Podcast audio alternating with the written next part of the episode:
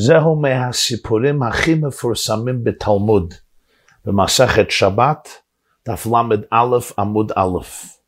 מספרים חכמינו זיכרונם לברכה על גוי אחד שרצה להתגייר ליהדות והגיע לשני גדולי הדור וביקש מהם שילמדו אותו כל התורה כולה כשהוא עומד על רגל אחת.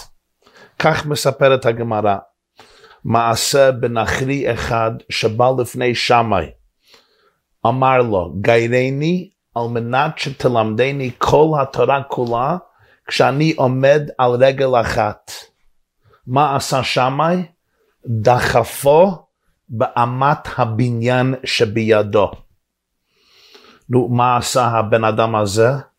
הגיע לפני הלל, ואומר להלל, גיירני על מנת שתלמדני כל התורה כולה, אני רוצה להתגייר, אבל יש תנאי, אני רוצה ללמוד כל התורה כולה כשאני עומד על רגל אחת. מה הלל עונה לו? בסדר, אני אתן לך כל התורה על רגל אחת. מה דעלך שני לחברך לא תעביד. זהו כל התורה כולה. אידך פירושה הוא זיל גמור. כלומר, מה ששנוי לך, אל תעשה לבן אדם אחר. זוהי תמצית כל התורה כולה, זוהי כל היהדות. כל השאר זה פירוש על המשפט הזה. עכשיו, לך תלמד את הפירוש. לפני שאני נמשיך הלאה, יש שאלה מאוד מעניינת של בעל חידושי הרים. רבי יצחק מאיר, רבי יצחק מאיר, אלתר, מגור, האדמו"ר הראשון של גור, תלמידו של האדמו"ר מקוצק, אז בחידושי הרים, הוא שואל שאלה מעניינת. הוא אומר, הגוי הזה ביקש מהלל להעניק לו את התמצית, את הנקודה של היהדות. אז הלל אומר לו המשפט המפורסם, קוראים את זה פה באנגלית, The Golden Rule, מה דהלך שני לחברך לא תעביד. למה לא אמר לו את המילים מהתורה? מפרשת קדושים, ואהבת לרעך כמוך. זה הרי המילים המפורשות של התורה. למה הלל צריך להרכיב ולייצר משפט חדש, מה דלך שני לחברך לא תעביד. כמה דורות לאחרי הלל, יעמוד גדול הדור רבי עקיבא ויגיד, ואהבת לרעך כמוך, זה כלל גדול בתורה. אבל הלל לא משתמש והמשפט הזה המפורש בתורה, למה? אז רבי מאיר מגור מסביר ככה, הוא אומר כשאתה רוצה להעניק יהדות למישהו, מוכרח שתבין מי הוא הבן אדם הזה העומד לפניך. הוא צריך לקבל מה שאתה אומר, ולכן אתה צריך להתייחס למעמדו, למצבו, כדי להבטיח שהדברים יוכלו להיכנס למוחו וליבו. אם זה הולך ככה מעבר לראשו, אז אתה לא תצליח לפעול. זה צריך להיות מושגים כאלה שהוא יוכל לבלוע, שהוא יוכל לעכל בתוכו. אומר החידש הערים, תשמע, אומר, ואהבת לרעך כמוך, זוהי מדרגה מאוד עמוקה, שתאהב מישהו בדיוק כמו שאתה אוהב את עצמך. זה אפשר להגיד ליהודי. ליהודי שיש לו נשמה יהודית, שהיא חלק אלוקה ממעל, אז אני יכול להגיד ליהודי, ואהבת לרעך כמוך, למה? כי רעך ואתה זה ממש נשמה אחת. אתם חלק מחטיבה מאוחדת ויחידה. אני לא אוהב בן אדם זר, אני באמת אוהב את עצמי, ואהבת לרעך כמוך, כי הוא חלק מכמוך. אבל הבן אדם הזה עוד לא היה יהודי. הוא רצה להתגייר, אבל הוא היה גוי. אז להגיד לו, ואהבת לרעך כמוך, הוא לא יכל לתפוס את זה. אז לכן הוא אמר לו את זה בצורה שהוא יכול לתפוס. מה ששנוי לך, לא תעשה לבן אדם אחר. זה כבר משפט לוגי, זה כבר משפט נורמלי, זה הבסיס של חברה בריאה וחוקית. מה שאני לא, לא רוצה שיעשו אליי, אני לא צריך לעשות אליך. אהבת לרעך כמוך זה כבר משהו אחר מספרים, שהאדמו"ר מזוויל, רב גדליה מוישה גולדמן, זיכרונו לברכה, בנו של רב שלוימקה זבילה, זכותו יגן עלינו, אז הוא נשפט לשבע שנות עבודת פרח בסיביר. הקומוניסטים ברוסיה אסרו אותו והגלו אותו לסיביר שבע שנים. מספרים שבסוף השבע שנים, זה שהיה האחראי שם, הזמין אותו למשרד, וזה היה בעיצומה של יום השבת קודש. הוא אומר לו, תשמע גולדמן, זה יום הטוב שלך. יש צו שאתה יכול לצאת לחופשי. אתה בן אדם חופשי, אבל אתה צריך לחתום פה על הניירות, אתה יכול לצאת. זה השבת, אדמו"ר מזוויל, הוא רצה לחתום מסמך ביום השבת. אחר כך חשב לעצמו, זה הרי פיקוח נפש. להישאר בסיביר אפילו ליום אחד, זה פיקוח נפש. ומי יודע אם הוא יסרב לחתום, יכולים להשאיר אותו שם עשר שנים. עם הקומוניסטים אי אפשר לדעת מה יעשו. זה ממש פיקוח נפש, זה דוחה כל התורה כולה, וגם שמירת שבת ודאי שמותר לכתוב. אחר כך חושב לעצמו, הוא שרד שבע שנים, הוא לא מרגיש חולה, הוא עוד צעיר לפי ערך. אז הוא אומר לזה שהוא אחראי, הוא אומר, אני יהודי, אני מאמין באלוקאי, אני לא יכול לחתום בשבת, תן לי לחתום למחרת. בן אדם הזה מתרגז, אתה משוגע, אני אומר לך לחתום, זה היום שאתה יכול ללכת לחופשי, מי יודע מתי יהיה יום כזה עוד הפעם. זאת אומרת, תשמע, אני לא מרגיש שבשבילי זה פיקוח נפש. אני עוד צעיר, יש בי ברוך השם עוד כוחות, אני לא מרגיש שאני מותר, שמותר לי לחתום על המסמך הזה בשבת. זה איסור חילול שבת. האדם הזה הסתכל עליו כמו שנפל מהירח. אחר כך היה יהודי שני, שגם עמד שמה, וזה גם היה היום טוב שלו. גם הוא קיבל תעודת חופש באותו יום. הוא היה יהודי שהיה לגמרי חילוני, הוא לא שמר שבת. והאחראי אומר ליהודי הזה, תחתום ותצא לחופשי. אבל כשהוא ראה את מסירות הנפש של האדמו"ר מזוויל על שמירת שבת, זה כבר, כבר הוא לא היה יכול, הוא כבר לא הייתה לו העזה לחתום בשבת, זה, זה היה בושה בשבילו, כשראה את המסירות נפש של היהודי הזה, כבר הוא לא היה יכול. אז הוא גם סירב. הוא אומר, אני לא יכול לחתום בשבת, זה שבת, אני יהודי, אני לא יכול לחתום. אז האדמו"ר מזוויל פונה לקומוניסטי הרוסי האחראי על, ה, על, ה, על התפיסה, על בית, על הכלא שם בסיביר, ואומר לו, תשמע, אני אחתום בשבילו, כי הוא יהודי ישיש, הוא יהודי זקן, נראה שכבר אין לו כוחות. שהוא יישאר פה אפילו יום אחד יותר, זה ממש פיקוח נפש, זה הצלת נפשות.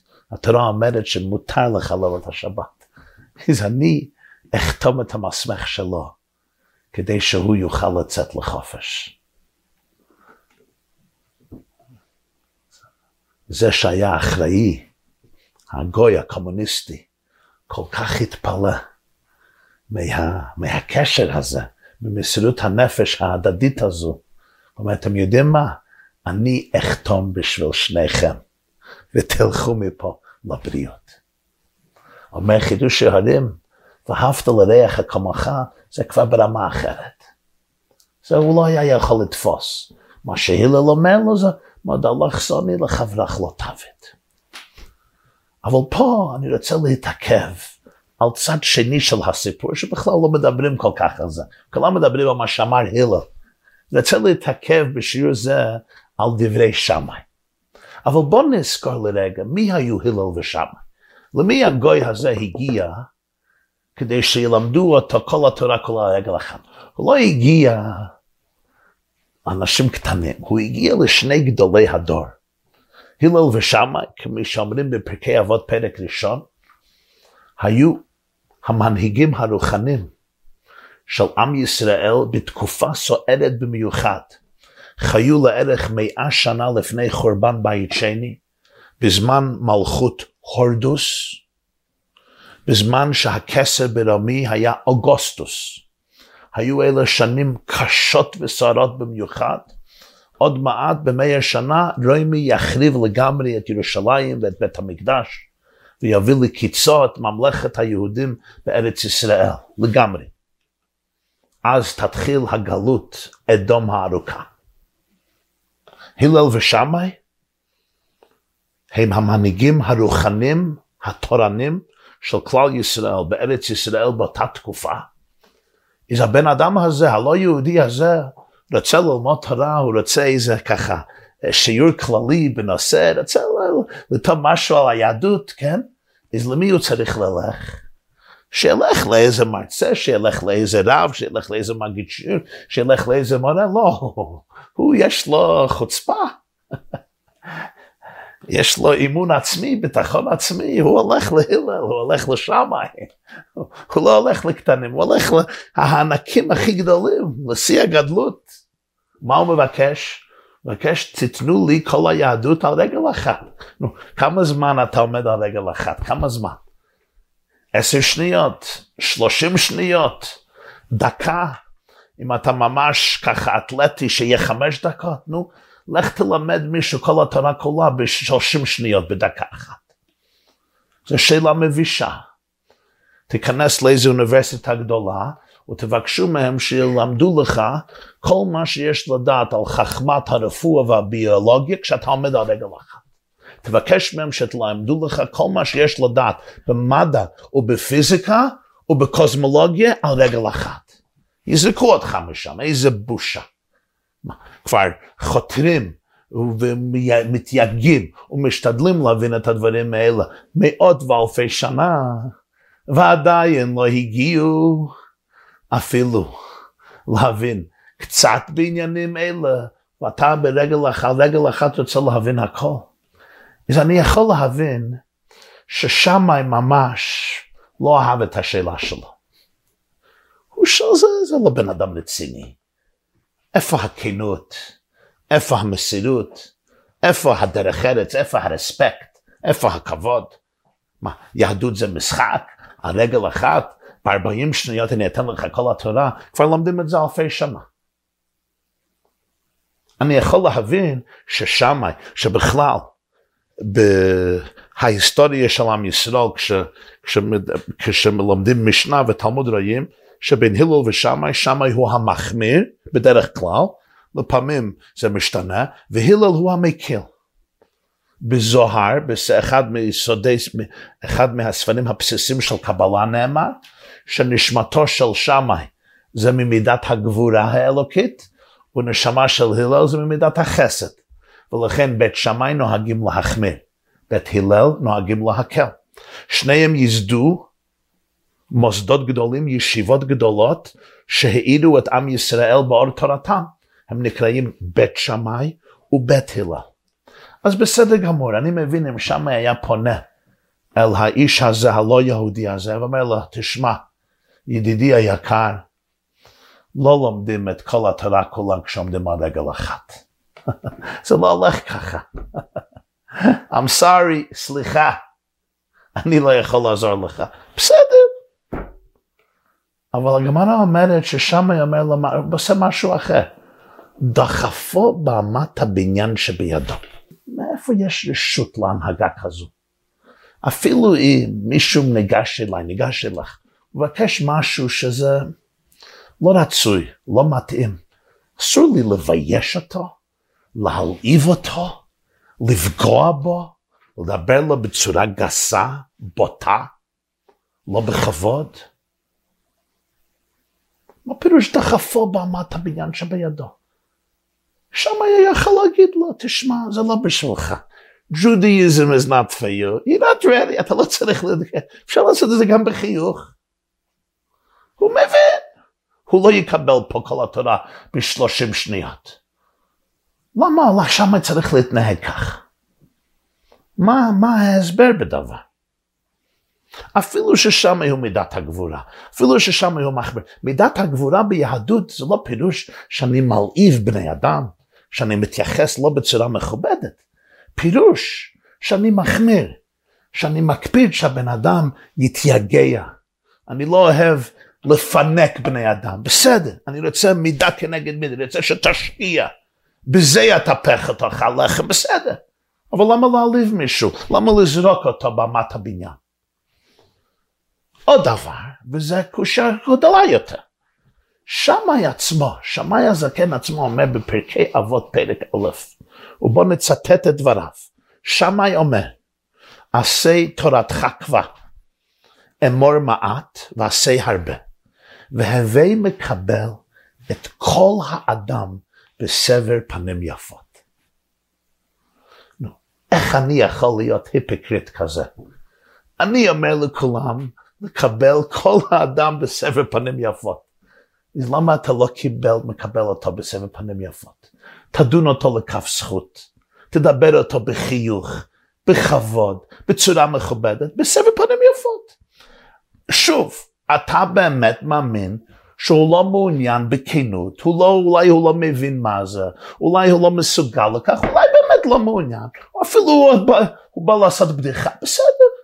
אז בסבב, תקבל אותו בסבב פנים יפות, ותסביר לו שזה ממש לא מתאים בשבילו. מה קרה לדברים של שמאי? ששמאי עצמו אומר לתלמידיו ומקבל את כל אדם בסבב פנים יפות. ודרך אגב, יש תוספות מעניינת במסכת יבמות, אני חושב דף סמך א', שכתוב כל האדם, זה פירוש לא רק יהודים, כל האדם ממש, כל בן אדם חביב אדם שנברא בצלם, כי בצלם אלוקים עשה את האדם. כבוד הבריות זה יסוד בסיסי ביהדות. בירושלמי נדרים אומרים שהפסוק הכי חשוב בתורה זה בצלם אלוקים עשה את האדם, אומר הפני מוישה שמה, כי זה כולל כל בני אדם ממש, יהודים ולא יהודים. כל בי שיש לו צלם אלוקים, כל בן אדם, הווה מקבל את כל האדם, כולל כל בן אדם ממש. מה קרה פה? עוד שאלה קטנה. מה זה דחפו במת הבניין שבידו? למה זה נוגע? מה החילוק אם הוא דחפו סתם במקל? אם הוא דחפו בתפוח שביד, הוא סתם עשה תנועה ביד, תלך מפה, תעוף מפה, לך מפה, אה, בלי אמת הבניין. אז אתה תגיד, ככה היה הסיפור. אני מבין שככה היה הסיפור. אבל כשהגמרא, התורה מספרת סיפור, כל פרט הוא פרט מדויק הוא. זה חלק מרכיב מהסיפור. הגמרא לא מספרת באיזה שעה ביום זה היה, באיזה תאריך זה היה, איפה הם ישבו, איך היה נראה. למה? למה? תגיד, כי זה, לא, זה, זה מעניין, אבל זה לא נוגע למהות הסיפור. נו, למה נגיע שזה היה באמת הבניין? היה יכול להגיד, דחפו, דחפו בידו, דחפו ברגלו, דחפו בגופו, דחפו בראשו, עשה תנועה. הגמרא מדייגת, דחפו באמת הבניין שבידו. זה היה לערך שבועיים לפני שנעשיתי בר מצווה. הרבי מלובביץ' ערך התוועדות עם חסידיו בבית מדרשו בברוקלין, ניו יורק, 770 איסטן פארקווי, בערב שבועות תשמ"ה, הלילה של ערב חג השבועות, שנת 1945. ובסוף אחת מהשיחות, הוא ביקש מהחסידים שיקבלו כל האורחים שהגיעו לחג בסבר פנים יפות. שיבטיחו שיש להם בית יפה, ויש להם ארוחות, ויש להם כל מה שהם צריכים בגשמיות וברוחניות, כדי שיהיה להם חג שמח בחצרו של הרבי מלובביץ', אומר כפי ששמאי הזקן אומר, לקבל כל האדם בסבב פנים יפות. ואז הרבי שאל, דרך אגב, הוא שאל שאלה זו, איך שמאי יכול לעשות, להגיד ככה, ואחר כך להתנהג הפוך, בצורה הפוכה. הרבי חייך ואמר, תשמעו, אם שמאי אומר שצריכים לקבל את כל אדם בסבב פנים יפות, זה פירוש שאנחנו צריכים גם לקבל את שמאי בסבב פנים יפות. מחובתנו להפגין סבב פנים יפות גם לשמאי. וכששמאי דוחף אותו במת הבניין, מחובתנו לפרש את זה בסבב פנים יפות. להפגין סבב פנים יפות גם לשמאי. ואז הרב, אני חושב, אולי לעשר או חמש עשרה שניות, זרק איזה רעיון, לא פיתח את זה, לא הסביר את זה, לא הרחיב את זה, אני חושב שמסתם זה עבר ממעלה לראש מהרבה אלה שהקשיבו, זה היה כל כך מהר, אבל זה היה בעצם רעיון מבריק ועמוק, שאמר ממש במהירות, ואני רוצה לפתח את זה כפי הבנתי, ואם שגיתי, השם יכפר בעדי, אבל כך הייתה הבנתי. כוונת שמאי לא היה להעליב את הבן אדם, לבייש את הבן אדם, לזרוק אותו מהבניין, ולהתנהג בצורה שהיא הפך מה ששמאי אומר, לקבל כל אדם יהודי וגם לא יהודי בסבב פנים יפות, להיות מנשלך, להיות אנושי, ואנשי קודש תהיו לי, כפי שאומר האדמו"ר מקוצק, שתהיו, המנשלך הקדושה, שהקדושה שלכם תהיה אנושית.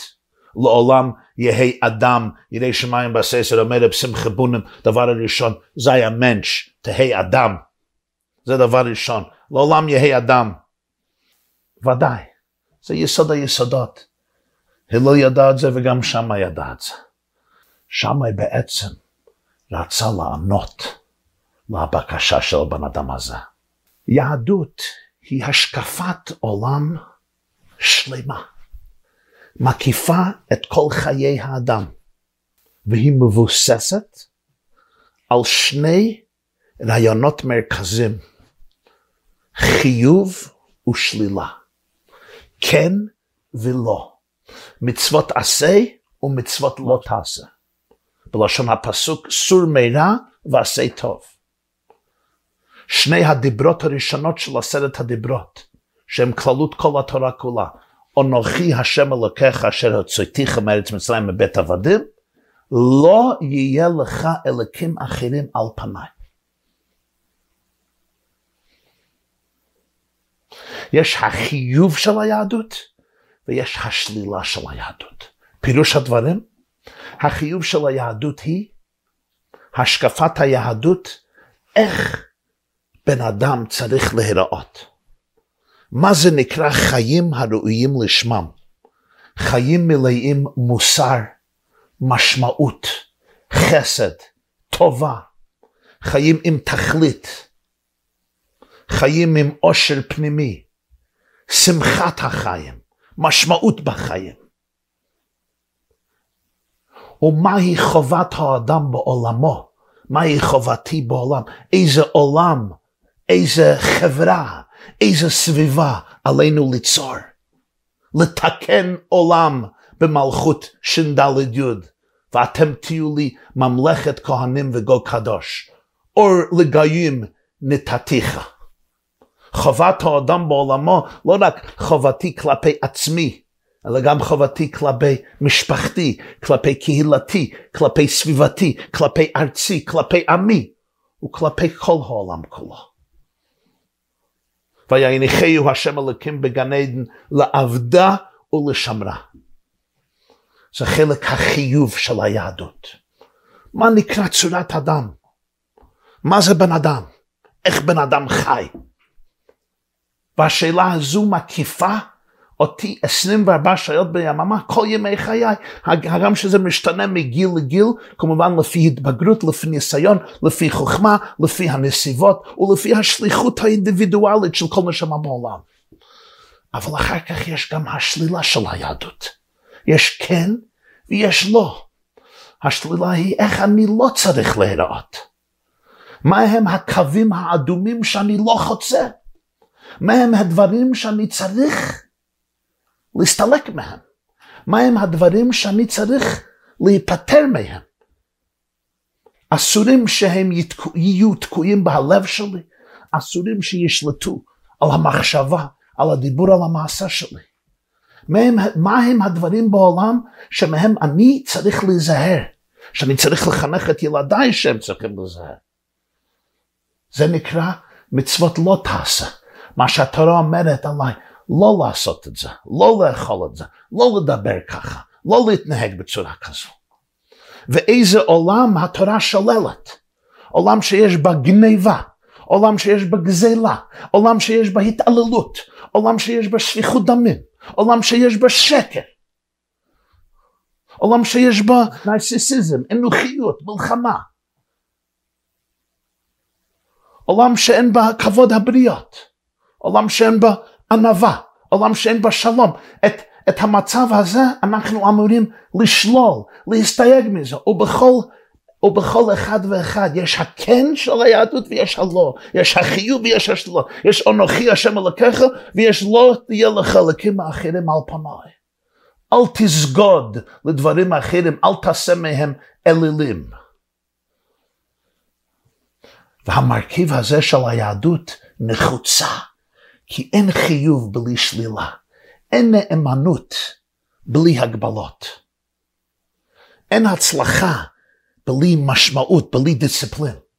מישהו יגיד, אני רוצה לעשות התעמלות כדי להוריד משקל, אבל בכל בוקר הוא גם ילך לברית, או לבר מצווה, או לשמחה, או ויאכול כל מה שיש.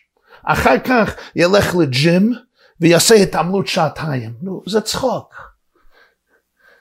אי אפשר להגיד כן להכל. זה לא יצליח. אם אני רוצה באמת להוריד משקל, אני צריך שיהיה מחויבות.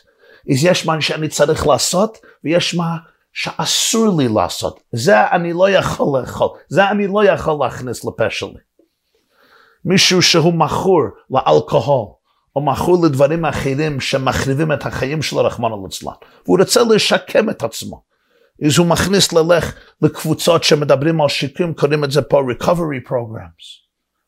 אבל בכל לילה הוא נכנס, הוא נכנס לבר והוא מתחיל לשתות. בבוקר שאחר כך הוא הולך לפרוגרם, לסמינר לשיקום. זה, אתה, אתה, אתה, אתה משגע את עצמך.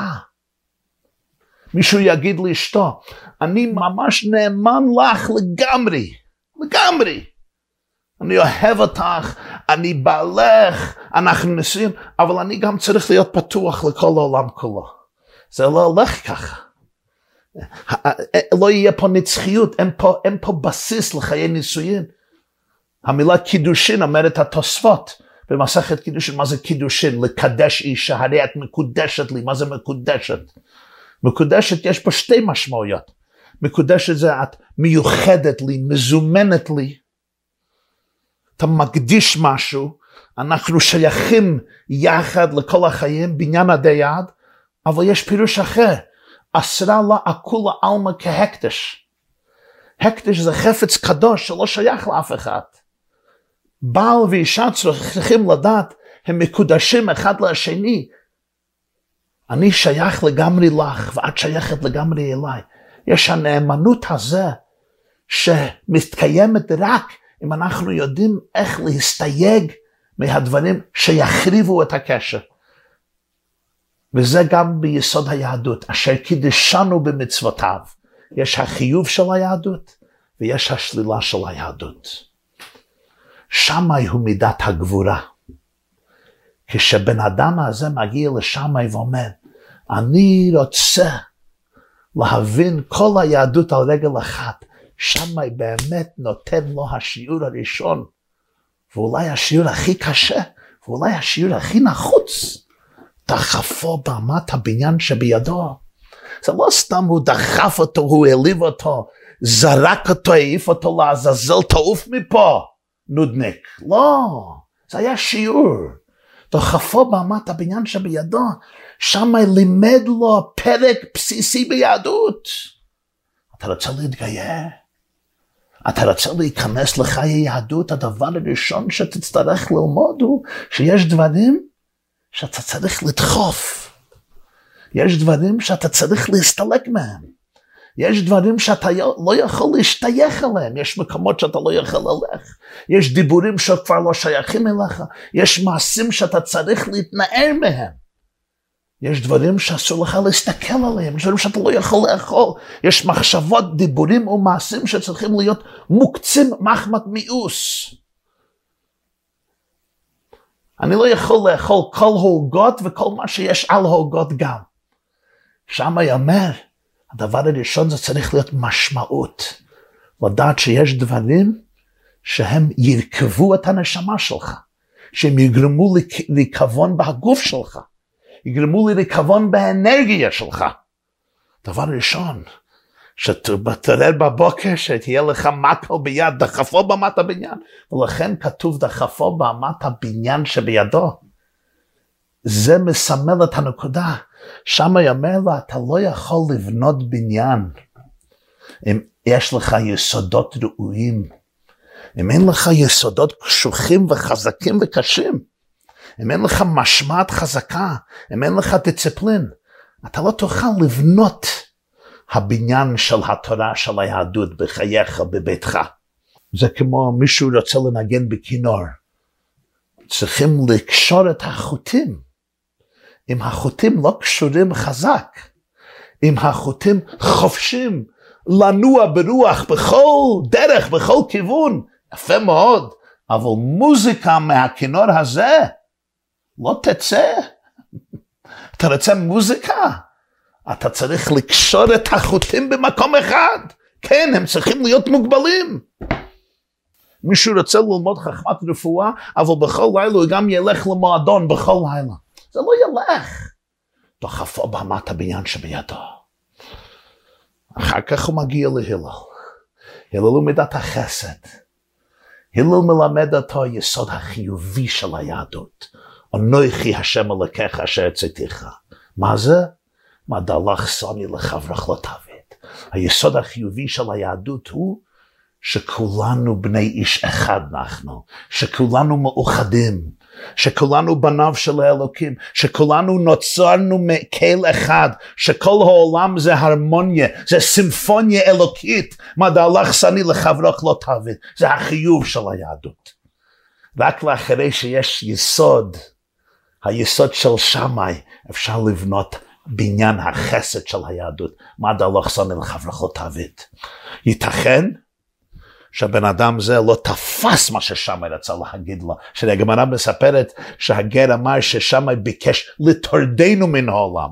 אולי הוא לא תפס מה ששמאי אמר. אבל הנקודה של שמאי הייתה ללמד אותו הלקח הראשון. מה זה לחיות חיים של משמעות, חיים אלוקים, חיים עם תוכן אמיתי ופנימי. מה זה חיי אמת. היה פעם יהודי שהגיע לרב המגיד הגדול ממזריץ', רבי דויב בר. הוא אומר, ילמדנו רבנו, יש לי אתגרים כל כך חזקים, כל מיני מחשבות זרות, נופלות לי במוחי ומבלבלות אותי. תאוות, התמכרויות. קשה ללמוד, אני לא יודע איך אני יכול להשתלט על זה, ממש לא יודע. אומר לו המגיד, תלך לתלמידי יקירי, רבי זאב וולף מז'יטומר. ז'יטומר זה עיירה באוקראינה. אז היהודי הזה נסע לז'יטומר. הגיע לז'יטומר, זה היה באמצע לילה חורפי. חיפש את הבית של רבי זאב וולף מז'יטומר. הוא מצא בית, והוא רואה שיש איזה נורא, נר שדלוק שמה. אז הוא ניחש מסתם איזה רע הבית של רבי וולף שיושב ולומד באיש, באמצע הלילה. היה קר בחוץ, הוא רץ לעבר הדלת, התחיל לדפוק בהדלת, אין קול ואין עונה. אבל הוא רואה שיש צל, נראה שיש מישהו שם שמסתובב, שמתנונע. אז הוא לא מתייאש, הוא ממשיך לת, לדפוק ולדפוק, כבר קר לו. אין קול ואין עונה. הוא דופק והוא דופק, ואחרי זמן ארוך, רבי זאב וולף פותח את הדלת, שלום עליכם, יהודי קר, בוא תיכנס פה. נותן לו מים חמים, נותן לו שמיכה חמה, נותן לו הכנסת אורחים חמה, כמה זמן שהוא רוצה, כמה ימים. הגיע זמן נסיעתו, והוא אומר לבזי וולף, אני הגעתי פה לתכלית. אני לא יכול לנסוע עד שאני ממלא את התכלית, מה התכלית? הגעתי לרבר שלך, הרב המגיד ממזרית, שאומר לי לנסוע לך כדי ללמוד איך אני יכול להשתלט על כל התאוות ומחשבות זרות שמבלבלות לי ביום ובלילה. אומר לו רב זאב וולף משתום זה כבר לימדתי אותך ברגע הראשון שהגעת. מאיפה לימדת אותי? אתה לא דיברתי איתי על זה. מה פירוש? אתה דפקת על הדלת, נכון? דפקת ודפקת ודפקת ודפקת. אני פתחתי? לא, לא פתחת. למה באמת לא פתח הרב את הדלת? יהודי דופק קר בחוץ. פשוט, כי אני בעל הבית בבית הזה. מישהו יכול לדפוק. אני הוא זה שמחליט כן לפתוח או לא לפתוח. זה מה שאתה צריך לדעת בחייך, זה כבר לימדתי אותך ברגע שהגעת. יש לך בית, מגיע מחשבה, מתחילה לדפוק, בום, בום, בום, בום.